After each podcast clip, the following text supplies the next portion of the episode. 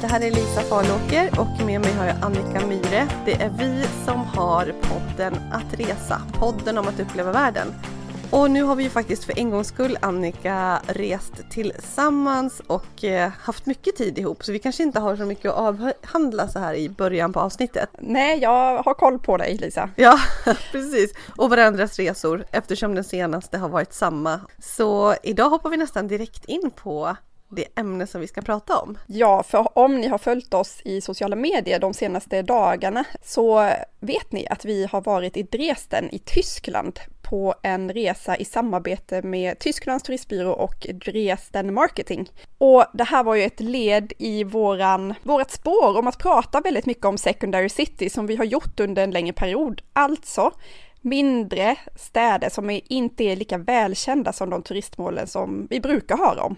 Och i Tyskland så är det ju eh, Berlin som lockar de allra, allra flesta och det är dit man åker. Vi hade hört talas om Dresden, både du och jag, och blev nyfikna på att veta mer om det, men visste egentligen faktiskt inte så mycket. Trots att jag har bott i Tyskland ett år, jag har bott i Berlin, och jag var så otroligt fokuserad på att lära känna den staden och hade liksom skygglapparna på till allting som låg utanför liksom Berlins stadsgränser. Ja men precis, vi hade ju bara hört så här Elbflorens, typ Florens eh, by the Elbe som en motsvarighet till italienska Floren men vid floden Elbe och bara, ja men det låter vackert. Och så kollade vi på lite bilder och ja men blev lite nyfikna och sugna men jag tror inte att jag hade alls föreställt mig det som vi faktiskt fick. Det vill säga att jag hade inte jättemycket förväntningar utan jag hade sett den här stadsbilden, jag såg den här stora Frauenkirche, eh, en jättestor känd kyrka nere vid floden Elbe som slingrar sig genom staden och det var väl ungefär det. Det här ser spännande ut och att det var en populär turistdestination tydligen för tyskar själva. Eh, så det var ju så det började egentligen, att vi hade kontakt sen med tyska turistbyrån och sa att ah, men vi är nyfikna på Dresden. Kan det vara ett ställe vi kan åka till? Och så blev det samarbete för podden då. Och sen hade vi också en plan på att eh, vara aktiva, som vi tycker om att alltid vara. Och hade kollat på ett ställe som heter Erzgebirge. Erzgebirge. Ja, du kan det tyska uttalet. Det är lika bra att du, att du förklarar närmare. Nej men vi, vi kollade upp det där, för vi ville ut och vandra för att Tyskland har faktiskt väldigt bra vandringsmöjligheter.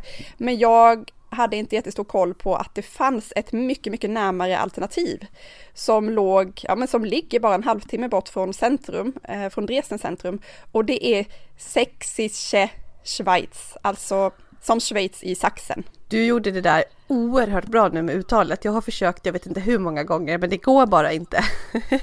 Nej, men det är lite för många S och C och H på en gång för att det ska flyta. Ja men verkligen. Men det var ett område, en nationalpark som ligger på gränsen mellan Tyskland och Tjeckien. Så man kan också vandra i, själv, i samma nationalområde med start på tjeckiska sidan. Men vi hade ju som sagt, vi utgick ju från Dresden och hade bara en tågresa på om det var 20 minuter eller någonting. Det var ju mer som ett motsvarande pendeltåg som vi åkte på och blandade våran, eh, våran tur med eh, cyklister och Dresdenbor med ryggsäckar på som var redo att ge sig iväg för en dagsutflykt helt enkelt. Men om vi ska köra lite från början, var ligger mm. ens Dresden och hur kommer man dit och, och, och vad hade vi för ambitioner med den här resan? Ja men precis, alltså jag tänker att det här med secondary city som vi har pratat om handlar ju dels både om att åka till en annan destination, till den som kanske är nummer två eller tre eller fyra, någonting annat som står lite i, i skuggan från de andra. Men också kanske ett ställe som man kan kombinera med den största. Att man åker utanför Barcelona till Girona till exempel, men att det inte behöver vara en destination i sig. Och för det så passar ju Dresden utmärkt, för det ligger alltså två timmar med tåg från Berlin. Det vill säga att man kan utan tvekan kombinera med Berlin. Eh, det ligger söder om Berlin, sydöst kan man säga, egentligen nästan precis mittemellan Berlin och Prag. Så ja, man flyger till Berlin på, vad tar det, en och en halv, två timmar. Eller så kan man faktiskt åka tåg dit. Det finns eh, direkttåg från Stockholm som tar 12 timmar. Värt att kolla upp. Eh, och sen ytterligare då två timmar till Dresden. Så ja. Och just den här kombinationen mellan Berlin, eller en större stad, och en mindre. Det är någonting som jag verkligen har eh, fått upp ögonen för. Och jag var ju faktiskt i Berlin ett dygn innan jag sen åkte vidare, mötte upp dig och tog eh, tåget ner. Och det är inte ens liksom två timmar utan det tar en timme och 50 minuter. Så på mindre än två timmar så är du i en ny stad i ett nytt sammanhang. Precis, sen kan vi inte säga någonting direkt kanske om tyska tågtrafiken men om man tänker Tyskland tänker man ju ordning och reda, långa raka autobahn, saker är punktligt och så vidare. Jag vet inte vad som gäller faktiskt eh, tyska tågtrafiken för så mycket har jag inte åkt men det var då på minuten de tåg som vi åkte. Både vad gäller ankomst, avgång och ankomst igen så att säga. Och att de stod inne i tid och det var lätt att hitta och ja men det funkade hur bra som helst. Jag har bra koll ändå på tågen i Tyskland och de funkar jättebra, har väldigt bra rykte ute i världen. Deutsche Bahn, de vet vad de gör. Mm. Sen är ju då Dresden, det är en halv miljon invånare ungefär och då är de näst störst i Sachsen. Sachsen. Hur säger man det då egentligen? Sachsen. Sachsen, ja men så enkelt. Ja. ja. Eh, och med det den tolfte största i Tyskland. Och det är en väldigt gammal stad, alltså den har funnits sedan 1200-talet så finns det i de första skrifterna och eh, var ett kungligt residens. Det finns mycket historia i Dresden. Mm, och den här klassiska byn som man ser på alla bilder, det är ju då Elbe som slingrar sig fram och staden är uppdelad på två sidor av den här Elbe. Så lite som man tänker Budapest. Det är Donau som flyter igenom och så har du Buddha på ena sidan och Pest på andra sidan. Och just i, i Dresden så pratar man om Altstadt, och Neustadt. Altstadt ligger på ena sidan och Neustadt på, på andra sidan. Och det som, som jag blev lite förvirrad över, ända till sista dagen vi åkte hem, det är men sista, sista dagen hade vi en guidad tur och jag bara, men vad är, alltså hur ligger det egentligen till med alla de här uttrycken? För att det gäller att hålla tungan rätt i mun för att i Altstadt till exempel finns det två torg där den ena heter Altmakt och den andra Neumakt. Och vi pratar om Altstadt på ena sidan Elbe och Neustadt på den andra. Och om man är där i Neustadt då får man dessutom hålla reda på att det är liksom inre och yttre. Så lite så här, innan man får koll på, på läget tar det lite tid. Men fördelen med att åka till en mindre stad är att ganska snabbt så får du en bra översikt hur allting håller ihop. Och vi hade ju tid att både springa och cykla och åka sån här turistbuss, dubbeldäckare genom stan. Så att eh, det gick snabbt att få sig en, eh, en uppfattning om hur allting hängde ihop. Ja men verkligen och sen tog vi oss bara runt hur lätt som helst och både som du sa sprang och cyklade och gick. Det är ju ganska korta avstånd förstås några kilometer här och där så har man tagit sig runt hela stan typ. Eh, men också så åkte vi jättemycket spårvagn som var ett snabbt och enkelt sätt att ta sig runt i staden. Men vad gillade du bäst då? För att om vi nu pratar Altstadt som väl, alltså det är mer som Gamla stan, det är där du har den här stora Frauenkirche som jag pratade om som har, som är jättegammal, sjukt fin. Du har eh, men en massa gamla klassiska monument och äldre byggnader och stora torget med de här pastellfärgade husen och det känns verkligen som Gamla stan. Vad är din favorit eller vad fick du för uppfattning om, om Gamla stan just? Jag tyckte väldigt mycket om den delen av stan och det var också där som vi bodde. Vi bodde där och utgick därifrån. Och jag tycker om den här historiska känslan, att känna att, att det finns historia. Det som är väldigt speciellt med den här staden och många andra städer i Europa är att den blev väldigt hårt åtgången under andra världskriget. Så i princip hela det här området är, blev totalförstört i samband med en bombattack precis i slutet av kriget.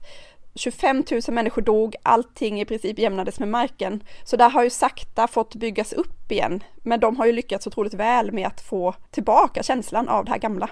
Ja men på något vis var det verkligen det som fascinerade mig kanske, ja nästan allra mest. Alltså jag menar man vet jättemycket om andra världskriget, det här har vi levt med, det har man lärt sig från det att man var litet barn. Och det är så påtagligt i vår nutidshistoria också. Men exakt hur hårt åtsatt just Dresden var, det hade jag förstås ingen aning om. Och att se de här bilderna på hur allt i princip var jämnat vid marken, läsa om de här bombningarna i detalj, förstå hur återuppbyggnadsarbetet har gått till och hur man till exempel med just Frauenkirche då jobbade på med den och den blev färdig 2005 eh, och byggt upp staden del efter del och så vidare. Och hur liksom själva tiden under hela DDR-tiden, det här är ju öst och hur det har påverkat och att det finns byggnader från den tiden som har ett väldigt speciellt uttryck. Där vissa har fått stå kvar, andra har sedan fått ge vika för att man tycker att det inte passade in. Och, alltså det är så mycket som i vår nutidshistoria har hänt och som Dresden är ett tecken på.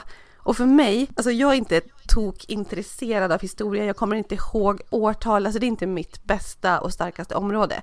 Men att vara på ett ställe, det gör att jag verkligen kan ta till mig den informationen och komma in i känslan. Och det var så lärorikt för mig med Dresden och det grep alldeles extra hur vackert sen Altstadt nu med alla dessa byggnader och all historia där än var så var det liksom det som blev så starkt för mig. Ja men så är det att komma till den här platsen. Men redan på 1200-talet så låg det en kyrka där Frauenkirche ligger idag. Så på ett sätt liksom återuppbyggnaden av den här kyrkan blev som en symbol för hela Tysklands återförening och ändå det här framtidshoppet som finns och att det som tidigare var en stormakt under 1700-talet så hade det liksom Dresden sin stormaktstid och det var konst och historia. Allt det här kommer tillbaka nu de som åker till Dresden är ofta väldigt intresserade av kultur. Det finns mycket kulturuttryck, jättemånga museum, men det finns allt det andra också. Ja, men precis. Och går man runt just i Gamla stan, det är där det är mest turister. Och apropå turister så var det också lite roligt för att våra guider berättade för oss att det är ungefär 80 procent av eh, turisterna är tyskar. Och det är mycket turister. Precis, ja, jo, eller tysktalande. Så de kommer ah, ja. ju från områdena runt omkring, så Österrike och, okay. och Schweiz. Men de, de talar tyska. 80 procent och det är ju en väldigt stor procentandel. Och det finns ju mycket att göra med staden i, om man pratar turism.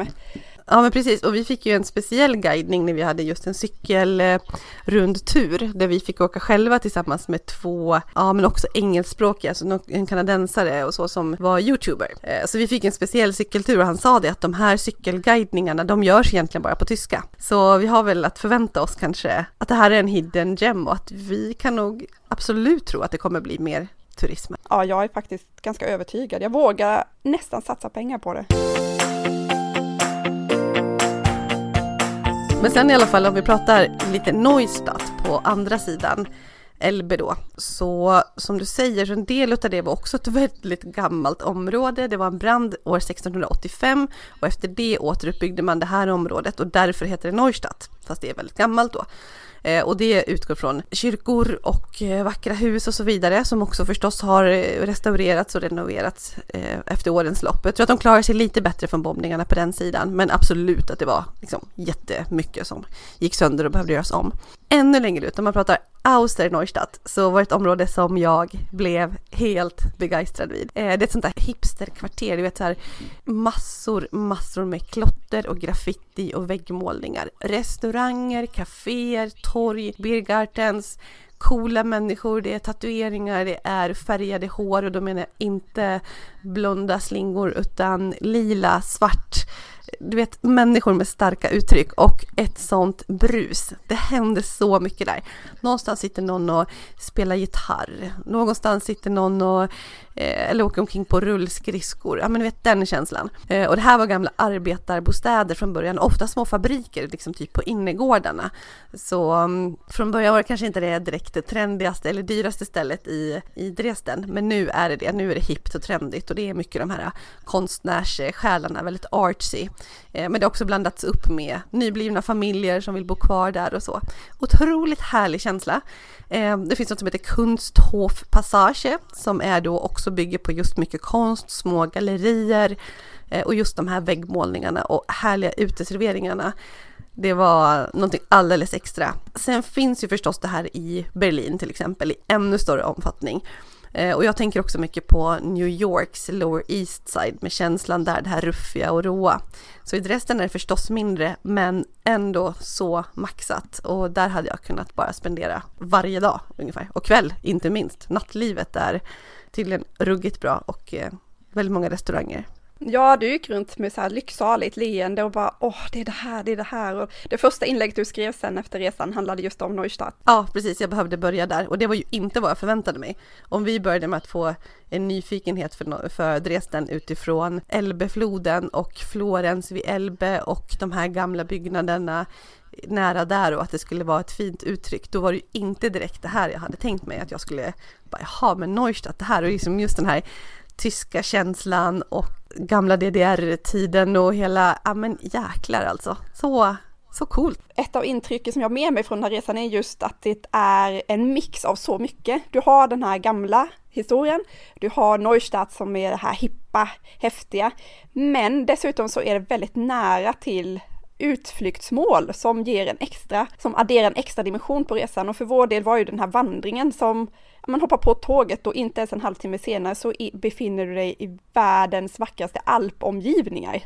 Alltså tänk Schweiz fast inte ens en halvtimme utanför. Mm. Ja men för det var ju därför som du fick det här namnet, att det var ett konstnärspar som kom dit och målade en massa och som tyckte att det såg ut som att det var bland det vackraste de hade sett och det vackraste de hade sett till dess var Schweiz. Och därför så döpte de det till just det här. Det finns många typer av resenärer som kommer dit för att det går bussar som tar liksom, turister som inte orkar gå så långt, orkar gå liksom 50-100 meter så är de uppe på den här mest välkända vyn som är Bastei, en bro som går över, som går genom bergen, en väldigt, eh, ett väldigt känt så här, turistmål många åker ju dit bara för att gå ut på den här bron, ta ett kort och sen åka därifrån. Men vi vandrade ju, alltså vår guide tog med oss till små spår som knappt någon känner till, upp och ner. Det var verkligen upp och ner, först jättemycket brant eh, uppåt och sen ner i så här djupa gångar med fuktiga stenar fyllda med mossa på båda sidor. Det, det skilde tydligen 20 grader i temperatur när vi gick eh, från toppen ner till de här trollstigarna. Mm, så fint. Och bergen var ju inte vilka berg som helst utan väldigt fina klippformationer, typ så här vad heter det, sandsten som har, eh, ja nu tappar jag helt orden, men som har blivit slitna och ser nästan randiga ut. Och väldigt dramatiska så. Väldigt, väldigt coolt. Och sen låg det också uppe på toppen ett gammalt fort, eller ja, det hade legat fort där på också runt 1200-talet tror jag. Men som såklart var helt borta. Men man byggde där uppe för att det skulle vara säkrare och det fanns vissa lämningar kvar. Man kunde se hur det fanns utrymme för balkar i stenarna och det är ju bara helt sjukt att tänka sig att det har varit sånt där uppe på toppen med de här branta klippavsatserna vid sidan om. Eh, där får man betala in lite extra, ett par euro tror jag att det var, för att få gå in och gå bland dem. Men det var där vi tyckte att det var finast vyer och väldigt coolt, så att det ska man absolut göra om man är där. Ja, man får ju allra, allra bäst vyer över den här Bastejebron därifrån. Eh, och mm. den borgen heter eh, Felsenburg Neuraten. Så det tycker jag verkligen eh, att man kan göra. Vår guide var så här, ah, men det finns inte så mycket att se, men när vi kom dit så bara jo, eh, jag är jätteglad att vi gick in dit. Ja, verkligen. Och så fick ju du lite slott också, Annika. Ja, det var ju den andra grejen som jag, när vi googlade inför den här resan, saker som jag ville se och göra, så Alltså jag är ju väldigt svag för de där slotten i hela världen. Det spelar ingen roll var jag kommer, jag vill ha mina slottsmiljöer. Jag gillar den här pampiga känslan. Jag gillar att det ofta är väldigt fina trädgårdar, det brukar vara lugnt och skönt att bara gå runt och flanera och promenera. Um, och i det här fallet så var det Moritzburg, som också ligger då in, ja, en dryg halvtimme från Dresden med tåg, så ligger det här stora pampiga slottet som, eh, ja det byggdes egentligen som nöjespalats. De var där och jagade och hade härliga fester och baler och sådär. Men jag tyckte det var väldigt skönt, vi tog det ju lugnt där, vi gick runt och kollade överallt för det finns egentligen, det är det här huvudslottet, Moritzburg, eh, Schloss Moritzburg och så, så går man typ två kilometer längre bort så finns det ett annat litet slott som heter Fasanenschlöschen eh, och ytterligare längre bort så finns det en liten fyr man kan kolla på. Så det är väldigt behagligt att bara ja, spatsera omkring där och leka lite kunglighet för en dag eller så. Mm. Och det tog vi en buss på ungefär 30 minuter. Och om man tänker inom ungefär den radien ifrån Dresden då så finns många slott. Alltså man kan ju googla runt och välja bland ett ganska stort utbud. Jag var egentligen lite mer inne på vingårdar men nu reste jag med dig så då fick jag foga mig och ta slott istället då. Men annars, ja. ja. men annars finns gott om vingårdar också och det finns några druvor som är väldigt karaktäristiska och eh, lite välkända för Dresdenområdet, både röda, en Pinot Noir liknande som jag faktiskt har tappat namnet på nu. Vad hette den? Gebürst någonting. Ja, det får jag återkomma till i bloggen. Eh, och såklart deras härliga vita viner och mycket Riesling och så. Så det finns vingårdar och det finns också något som ligger vid ett slott. Så det kanske jag skulle ha varit lite mer eh, påläst på. Lingerschloss va? Ja, men Lingerschloss var den som låg väldigt nära Dresden, egentligen en liten cykeltur ifrån Dresden. Där de hade både vingård och också en jättestor känd eh, Biergarten som ska vara superfin. Mm. Mm, så att även för eh, den som gillar det så är det ett jättebra område att åka till. Men du fick ju dina viner då, även om vi inte ja, åkte absolut. till Jo, men det var ju många av de bra restaurangerna som hade sina egna viner som serverades, som kanske de hade direkt från en vingård någon annanstans, som de själva ägde och så. Eh, så det var väldigt billigt och väldigt, väldigt goda viner. Så det fick jag. Men vad säger vi om maten generellt då i Tyskland? Alltså, Ja, maten är viktig för mig och vi gick på några bra restauranger som vi hade blivit rekommenderade och eh, ambitionen var hög och många pratade om de här ställena som att det är verkligen bra men eh, jag blev inte övertygad. Nej, vi kände väl båda två att de, de fina restaurangerna vi gick till, där var det mer omgivningen och det var härligt att sitta där, jätte, jättefina miljöer. Mm. Men maten i sig, nej. Den bästa maten åt vi, eller jag i alla fall, ute vid Moritzburg på något som heter Adams Gasthaus. Då var den, eh, ja men det var så här rejäl mat, god. Ja, ja, men jag håller med, det var nog min bästa också. Och sen efter att vi hade gjort vandringen och vi satt i den lilla gulliga byn som man, man börjar i när man kommer därifrån som hette Kurortraten. Och där käkade jag en eh, typisk schnitzel som faktiskt var väldigt bra och en god öl och ja men du vet. Så man kanske ja, ska gå då, på det klassiska. Det var då du bara, men vad är såsen? Ja. Så kan förklara att man får ingen sås utan man får citron som man eh, droppar över schnitzeln. Ja, ja lite torrt men eh, gott. Men du, det om Dresden, det finns ju massa mer att läsa i våra bloggar och det kommer ännu mer framåt och din blogg är ju resfredag.se och min ligger på livetfrånljusasidan.se. och då kan man på båda våra bloggar gå in och leta sig vidare i destinationsträdet till Tyskland och vidare till Dresden så hittar man säkert alla inlägg på ett och samma ställe. Ja, och eh, sammanfattningsvis så är det en destination värd att åka till, tycker jag absolut. Om ni har gjort Berlin och gilla känslan där så tror jag att ni kommer gilla Dresden. Mm, det tror jag verkligen. Om vi ska tugga vidare och eh, kanske inte prata riktigt lika länge om en massa andra destinationer men i alla fall komma in lite grann på det här på secondary cities som andra alternativ man kan fundera på. Den första jag tänker på är Slovenien. Vi har pratat en del om Slovenien att det är en sån upcomer, att det här är ett trendigt resmål. Det här kommer också öka. Och huvudstaden är Ljubljana och det innebär ju att Ljubljana egentligen kanske är Sloveniens huvuddestination men hela Slovenien känns ju som secondary jämfört med alla andra ställen i området. Man glömmer lätt bort Slovenien, Det ligger lite inklämt där mellan eh, Italien, Österrike, Ungern och Kroatien. Och det bor faktiskt bara två miljoner invånare i hela landet. Det är så lite och i Ljubljana, huvudstaden, så bor 300 000. Eh, jag var där på en jobbkonferens för ett par år sedan under hösten och hade faktiskt inte alls någon koll. Jag visste att det skulle vara härligt och fint och sådär, men inte något mer än det. Men när jag kom dit så var det så här, åh, det här är som en liten sagoby eller sagostad. Det var höst, allting var upplyst. Eh, det kändes lite som så här bröderna Grimm, någon sagostad som man gick omkring i. Väldigt lugnt och skönt. Eh, Gamla stan, igen, jag gillar ju Gamla stan var man än kommer. Jag, jag, tycker att det är en speciell känsla där. Och just då så höll de på att sätta upp julbelysning. Så tänk den här stan mitt under julmarknaderna. Det skulle jag vilja uppleva någon gång. En väldigt känd vy är något som kallas för trippelbron. Då är det tre stycken broar, som, jättefina broar som ligger på samma plats på rad liksom. I Ljubljana däremot så åt jag väldigt god mat. Vi blev rekommenderade att, att gå till en restaurang som heter Sova 102 och eh, den kan jag rekommendera om någon, om någon ska åka dit. Eh, och just Ljubljana, när jag kom hem från den resan, alltså samma helg jag kom hem, så sa jag till Tobias att vi måste åka tillbaka. Vi måste åka tillbaka till Slovenien. Du kommer älska det, även om vi inte var någonstans utanför stan så visste jag att hela känslan i landet att det tilltalade mig. Så det var faktiskt en av de stora anledningarna till att vi sen sommaren efter gjorde den här stora roadtrippen genom Balkan, där vi utgick från Kroatien men också tog oss till, eh, upp till Slovenien till en eh, mindre stad vid kusten som heter Piran. Just det, Nej, men Sloven Slovenien är ett hett tips jag har också hört om, heter det en sjö som heter Bled? Ja, Bled, väldigt eh, turistig tror jag, men eh, ja, den kan säkert vara, det, det ser ju otroligt vackert ut. Det är det man ser på de allra flesta bilderna om man googlar på Slovenien. Det är en, en alldeles blank sjö och en eh, som ligger där, någon borg liknande, kyrka är det nog väldigt klassisk vy. Du ser, jag kan inte ens återge den. Men däremot så i våras så vet jag att eh, Lonely Planet kom ut med en lista på resmål att rekommendera i Europa. Då hade de tio stycken heta resmål som de motiverade med The Essential Destination in Europe this year. Och då var det ett resmål med från Slovenien som heter Vipava Valley som jag aldrig hade talat om innan. Och det ligger tydligen bara en liten bit väster om Ljubljana. Åh, oh, men perfekt. Jag hör vår nästa plan här, Annika. Ja, Det är det. Jo, Och den ja kombinationen. det blir det. Det tar Ja. vi, vi bestämmer det. Spikat. Väldigt nära, vi pratar i alla fall Norge, det är nära. Eh, då har vi ju Bergen.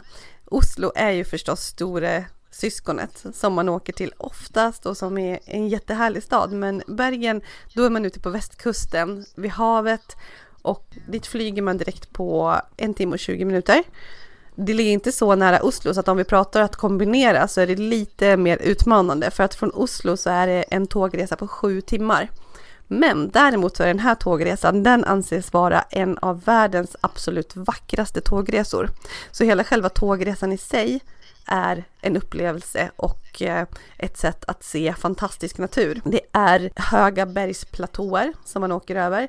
Det är väldigt varierad natur. Ja, men det ska helt enkelt vara hur fint som helst. Jag åkte en del utav den, för jag flög direkt in till Bergen då. Men eh, då åkte jag ut och gjorde en rundtur där man åker buss en bit och sen åker man tåg och sen åker man båt på fjordarna och sen åker man tåg igen och då finns det en eh, tågdel som heter Flom Railway och den är på riktigt ansedd som en av världens vackraste. Alltså att de är båda det men just den här lilla snutten är top of the top liksom. Det kan man också om man åker från Oslo så kan man stoppa, hoppa av där och ta en liten detour och bara en liten omväg och göra just den, den lilla. Så att det ligger i närheten av Myrdal och Voss. Och Bergen i övrigt, staden, så fin. Det är också så här litet, det är överblickbart, man promenerar överallt och man har något som är väldigt känt i Bergen är förstås bryggen. Det ligger alltså nere vid vattnet så är det på en utav del, en, en del av hamnen där det ligger en massa olikfärgade små hus, små trähus och de har funnits där hur länge som helst och återuppbyggt, renoverat eh, vart efter åren. Och hela den bryggen är ett sånt där UNESCO-världsarv. Så bara att vara i Bergen gör att man får den här känslan av någonting alldeles, alldeles unikt. Och namnet, som det antyder, så ligger det flera höga berg runt omkring, varav några av de här, två stycken olika som du faktiskt kan nå med, eh, ja, på det ena stället ett tåg eller så här cable car och på den andra så är det typ som en linbana. Så man kan ta sig upp på flera av topparna väldigt enkelt, få fantastisk utsikt och sen kan man också gå från topp till topp med vandringsleder och ha såklart en helt magisk utsikt över staden, fjordarna, vattnet, bergen. Bergen i Norge, det är ett måste att besöka om man inte har gjort det skulle jag säga. Ja, dina bilder därifrån var ju det är fortfarande det du har som profilbild tror jag. Väldigt, väldigt fina bilder. Ja, just det. Ja, det har jag ju. En annan nordisk stad, secondary city, som det pratas väldigt mycket om, eller speciellt förra året, det är ju Århus i Danmark. Eh, Och förra året så var det Europas kulturhuvudstad och det är ju någonting som som vi också har nämnt här i podden flera gånger, det är ett hett tips att åka till de här städerna för att det finns någonting som gör uppenbarligen att de har blivit valda till kulturhuvudstad. Det finns saker att se och göra och ofta så görs det också stora satsningar på staden i samband med de här utmärkelserna, att det ska dra extra mycket folk som sen ja men det finns ju kvar även åren efter. Jag var där på julmarknad faktiskt eh, i Århus. Ofta så pratar man såklart om Köpenhamn. Det är dit man åker och också lätt såklart eh, från Malmö. Så det är många som går på julmarknaderna eh, på Tivoli. Men Århus var väldigt, väldigt mysigt. Den marknaden vi var på var något som heter Gamleby och då tänker du att det är typ Skansen, Århus eget Skansen och, och det är generellt ett väldigt, väldigt härligt område som många tar sig till. De har samlat ihop en massa byggnader från hela Danmark från 1700-1800-talet och samlat ihop. Men det som är unikt eller som verkligen utmärker sig med Århus, det är alla konstformer, liksom uttrycken för konst. Och eh, de har ett konserthus som är 2000 kvadratmeter glas, massa, massa, massa, massa glas fönster. Vi var inne och lyssnade på en konsert och det var så häftig känsla och det, det är en riktigt cool byggnad som man eh, reagerar på. Och det finns också mycket andra eh, museum och eh, gå omkring på. De har väldigt bra matscen, det är väldigt hippt och det är väldigt trendigt. Det är många som pluggar i Århus. Eh, så det känns som en, eh, det är en studentstad, händer mycket. Det kan jag rekommendera. Ett ställe som jag garvade lite åt när vi gjorde lite research inför det här är ju om man pratar Ryssland. Eh, Moskva givetvis eh, stora syskonet och man vill åka dit, man vill vara på torget, man vill se de fantastiska byggnaderna, kanske få den ryska känslan. Du vet ju, du har varit där. Mm. Eh, lilla syskonet Sankt Petersburg, det är ju dels är det mindre, det är närmare, det ligger ju längre in i Finska viken, bortanför Helsingfors. Man kan åka tåg från Helsingfors dit till exempel. Och det kanske är secondary både om man tänker på Moskva, men också om man tänker på att vi har länge pratat Estland, Lettland, Litauen och såklart då Tallinn, Riga och Vilnius och så. Men jag hör inte så många som åker till Sankt Petersburg. Har du det? Nej, det är ett par enskilda resebloggare som har följer med. De åker också till lite märkliga ställen, ja. de vi umgås med. Exakt. Vi hade ju nyss en stor anledning att åka dit när Sverige spelade åttondelsfinal i VM mot Schweiz där. Och eh, min man var faktiskt där, men han var inte övertygad. Alltså, han tyckte det var fantastiskt såklart på fotbollen och sådär och det var ju jättekult med eh, de svenska campen där man hänger och så vidare. Jag tror inte att han tänkte på att det var en gammal europeisk kejsarstad eller att det kallas för Rysslands Venedig. Han tyckte att det var rätt svårjobbat, att det var svårt med transporterna och att deras tåg helt plötsligt blev inställda och de hade, ja, men de hade så svårt och gränsövergångarna med enorma köer såklart givet att det var fotbolls-VM och, och mycket folk som hade speciella visum just för fotbolls-VM och sådär. Men jag blev mer nyfiken ändå väldigt avundsjuk, inte bara på fotbollsmatchen som jag hade utan tvekan sjukt gärna varit på och drömt om att vara på. Men bara generellt för att, alltså varför har jag inte varit där? Egentligen ligger det ju väldigt nära, nära till hands. Alltså, 300 år gammal stadshistoria, massa enormt häftiga arkitektoniska mästerverk. Det finns också en modern superlyx blandat med den här historien och bra nattliv och ja men du vet, det finns mycket som lockar tänker jag i Sankt Petersburg. Jag tror att vi behöver ha ett snack med din man som också så här med sarkastisk ton säger Krakow. Ja. Dit kan man inte åka. Nej. Det är intressant vad man lockas av för olika resmål. Jag är också inne på Sankt Petersburg. Jag tyckte väldigt mycket om Moskva och borde ju då uppenbarligen eh, tycka om eh, Sankt Petersburg också, för det är ju ett, eh, ja, brukar kallas för ett Moskva i miniatyr. Ja, dit kanske vi får köra nästa poddresa då Lisa. Ja, det är frågan hur vi prioriterar här mellan Slovenien, men där har du redan varit å andra sidan. Jag kan ta vilket som, eller både och. Ja, det är inget problem att åka tillbaka till samma ställen. Nej, jag gör väldigt gärna det. Det blir något annat. Första gången när man är i en stad då vill man ju se sånt som det är känt för. Man är verkligen turist, det är verkligen sightseeing. Alltså just nu som vi pratade om i Dresden, ja vi gjorde en guidad cykeltur. Vi åkte dubbeldäckare turistbuss för att få ett grepp om staden. Vi var inne i flera av de här stora kända historiska byggnaderna. Vi var på restauranger i olika stadsdelar. Nästa gång, då kanske man bara hänger.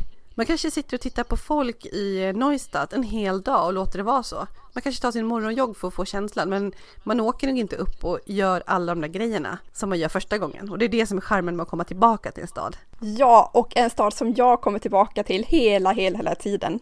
Det är Dundee som är nästa punkt på vår lista över secondary cities. Eh, Dundee ligger alltså i Skottland um, och när vi pratar Skottland så ja, men då tänker svenskarna på Edinburgh eller Glasgow kanske. Det är ju dit man åker på weekend. Men Dundee är också med på den här listan. Jag blev överlycklig när jag såg det här över Lonely Planets lista på resmål, hippa resmål under 2018 som är värda att kolla extra på. Och Dundee ligger alltså, det ligger ungefär 6-7 mil norr om Edinburgh. Det är dit man flyger in och sen tar sig vidare. Folket är väldigt, väldigt vänliga. Jag älskar skott, eh, skottar alltså. De, eh, de har alltid ett glatt ord över.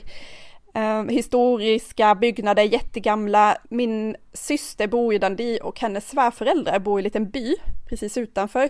Jag tycker verkligen man ska se till att ta sig ut till byarna när man åker till, eh, till Dundee. Det finns jättemånga fina. Longforgan, Liff, Fowlis är ett par av de här.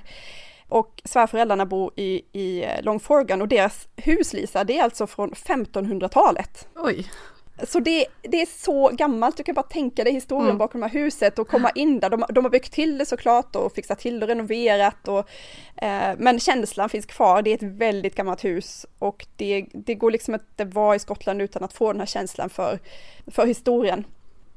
Jag tror att anledningen nu till att Lonely Planet uppmärksammade det, eh, det är på grund av att nu i september, 15 september, precis faktiskt när jag är där, för jag ska till Dundee nu i september och hälsa på igen, eh, då öppnar de ett nytt museum i Dundee och det är Victoria and Albert Museum. Och det är alltså världens, ja, de kallar sig själva för the world's leading museum of art of design och det finns redan i, det finns i London, V&A Museum, väldigt känt. Men nu öppnar de ett nytt i Dundee. Och det här tycker jag är liksom så häftigt att man väljer då en så kallad secondary city för att öppna ett sånt här stort och välrenommerat museum. Och det är ju också ett, tror jag, tecken på att man, man behöver ha, man behöver sprida ut alla de här sevärdheterna och häftiga grejerna som lockar för att folk faktiskt ska sprida ut sig. Så att de skulle inte kunna öppna ett till i Paris eller i, i Rom eller någon annanstans utan vi behöver sprida ut de här så att vi vi kan åka och se lite nya ställen. Mm. Ja men det är bra tips. Jag ska ut till Edinburgh här snart men jag hinner nog tyvärr inte ta mig vidare men eh, det står ju kvar så då får jag göra det en annan gång helt enkelt. När jag har mer tid mm. kan jag skottla mer rejält. Mm, det är bra. De har jättefina stränder där också. I Broughty Ferry heter det, precis utanför Dundee. Sjukt ja, det finns kallt mycket. vatten eller?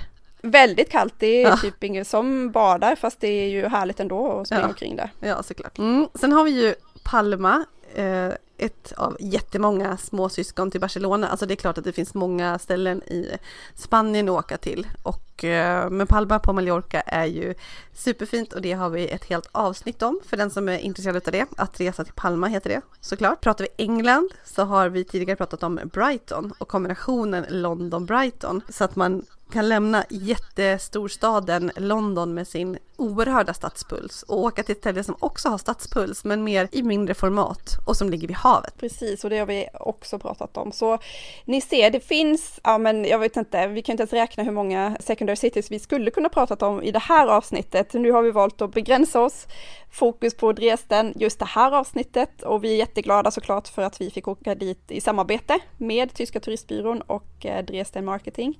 Vi ser fram emot att upptäcka fler secondary cities framöver. Ja, vi har en lång lista kvar att beta av och uppenbarligen så har vi ju inte gjort ens de här ställena som vi är allra mest nyfikna på, har varit lite grann i och gillat. Vi har inte gjort dem tillräckligt så att vi har att göra framöver. Ja, kul att ni har lyssnat också idag. Vi kör vidare som vanligt den här hösten. Följ oss på Instagram, att resa-podden och Facebook och framför allt lyssna på podden så lovar vi fler spännande gäster och destinationer och teman framöver. Det gör vi.